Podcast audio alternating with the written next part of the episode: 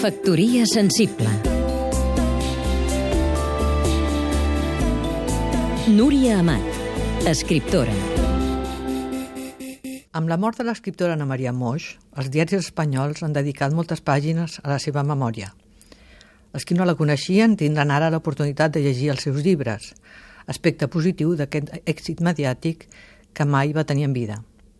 Sens dubte perquè es tractava d'una escriptora amb veu pròpia, raó de més en aquest país per ser apartada de l'altar dedicat als grans autors que tracten a les seves homòlogues com les germanes petites dels consagrats.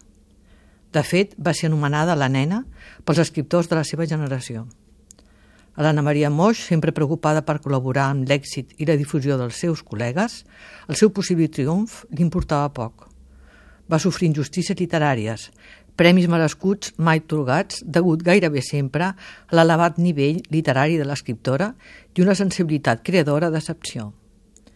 Camilo José Cela, amb múltiples maniobres, va aconseguir apartar Carmen Laforet de la literatura espanyola, una xafarderia que a ella li agradava particularment. La Moix necessitava ser estimada, també pels seus lectors, dones i homes. Desitjo que així sigui.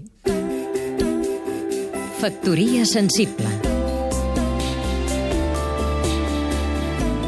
Seguim-nos també a catradio.cat